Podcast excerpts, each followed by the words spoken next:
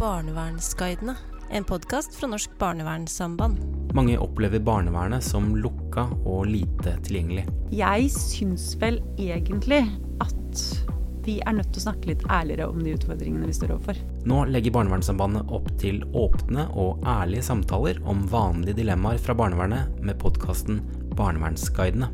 Litt som i Lørdagsrådet på P3 løser et panel av mennesker med erfaring og empati innsendte problemer og utfordringer. Jeg kommer til å si noe veldig kontroversielt, eh, og sikkert mange, mange, av de jeg eh, har, som har jobba på institusjonen min, kommer til å bli glad, men eh, nettet bør skrus av. Okay. Uh, senest, uh, ha det, Abdel! jeg vet. Nei, jeg, det går bra. Målet er å rette oppmerksomheten mot ti faglige verdier for et godt barnevernsfaglig arbeid og å åpne opp en dør inn til barnevernet. Hvis du skal oppsummere nå, så har jeg lyst til å si én ting som vi har glemt å si, og det er viktig å si. Mm. Og det er at uh, vi må ikke glemme, til tross for at uh, barnevernet kan få en del kritikk i ny og ne pga. enkeltsaker, så må vi huske på at Norge er et av verdens beste land å bo i.